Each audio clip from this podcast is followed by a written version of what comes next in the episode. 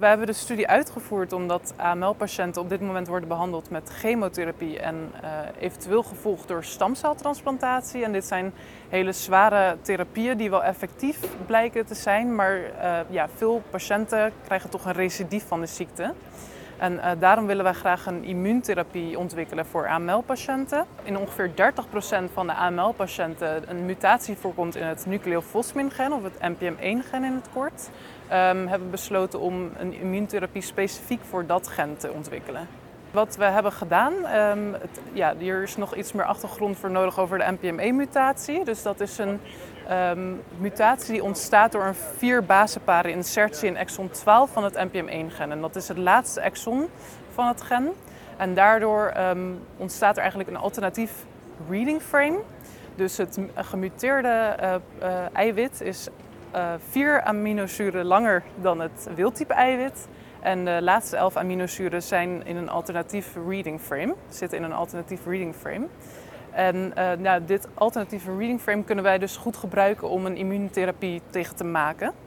Dus hoe we dat dan hebben aangepakt is, we hebben eerst gekeken naar HLA klasse 1 uh, lichaamdoomdata van 12 AML-patiënten. En in die lichaamdoomdata hebben we gezocht naar uh, peptides die van dat alternatieve reading frame van gemuteerd NPM1 afkomen. Om te kijken of die peptides wel echt uh, geprocessed worden in zo'n cel en tot, uh, ja, gepresenteerd worden op het celoppervlak. En um, dat hebben we dus gedaan en we hebben meerdere peptides gevonden. En een van die peptides was een uh, in HLA-A2. Dus dat is wel heel fijn, want HLA-A2 is het meest voorkomende HLA-allel onder de Caucasische populatie.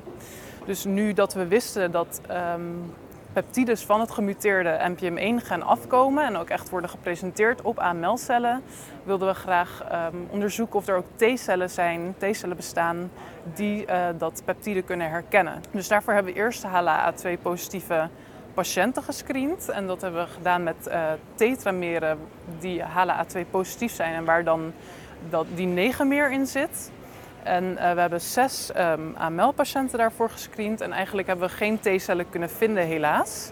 Nou, dat kan twee dingen betekenen. Of die patiënten hebben uh, geen T-cellen voor uh, gemuteerd NPM1. Of, nou ja, dit zijn natuurlijk patiënten die, die hebben een aandoening aan het hematologisch systeem. Dus het kan best zijn dat we gewoon te weinig gezond materiaal hebben om deze T-cellen te vinden. En daarom hebben we besloten om ook in gezonde donoren te zoeken, omdat we daar echt heel veel materiaal van af kunnen nemen.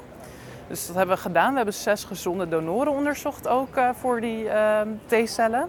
En uiteindelijk hebben we één T-cel kunnen vinden die um, ook echt netjes uh, AML'en kan herkennen die gemuteerd NPM1 hebben. En wat erg belangrijk is, is dat hij geen AML'en herkent die wildtype NPM1 zijn. Dus het is een hele specifieke T-cel.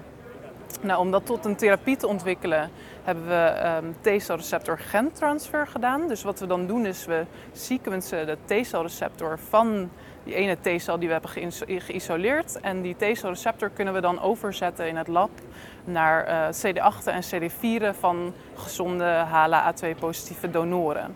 En als we dan die T-celreceptor hebben overgezet, dan kunnen we um, die cellen zuiveren, zodat we een groot aantal um, T-cellen hebben die diezelfde T-celreceptor tot expressie brengen.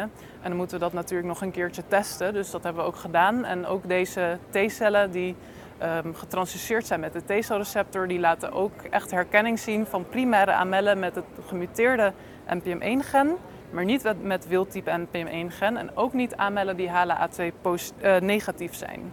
Dus dat wil zeggen dat deze T-celreceptor echt specifiek is voor mutant NPM1 in HLA-A2.